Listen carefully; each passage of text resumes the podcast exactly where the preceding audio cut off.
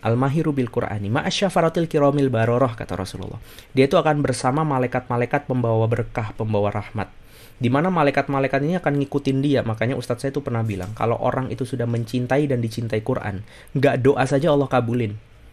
Jadi apa yang dia butuhkan yang belum dia mintain ke Allah, itu bahkan kemudian Allah ijabah Itulah kerennya para penghafal Quran, kerennya orang-orang yang kemudian menjaga Al-Quran dengan cara mungkin memaknai artinya, menafsirkan, bahkan menerapkan. Uh, dan itu yang paling utama ya, menerapkan isinya. Itu ma'as syafratil kiromil barara. Dia itu diikutin malaikat gitu. Itu kan kebayang keren banget ya. Kemudian, Rasulullah nambahin, tapi barang siapa yang wayata ta'ufihi, yang di dalam mempelajari Al-Quran itu dia terbata-bata, susah gampangannya untuk kemudian bisa mahir dalam hal Al-Quran. Uh, lahum ajroni, kata Rasulullah bagi dia dua kali lipat pahala.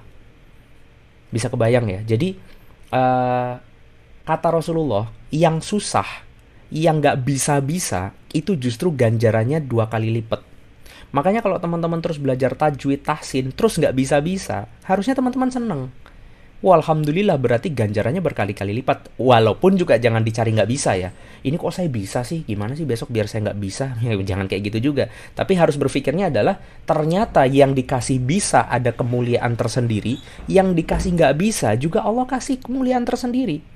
Karena Allah tuh ngehargai proses banget.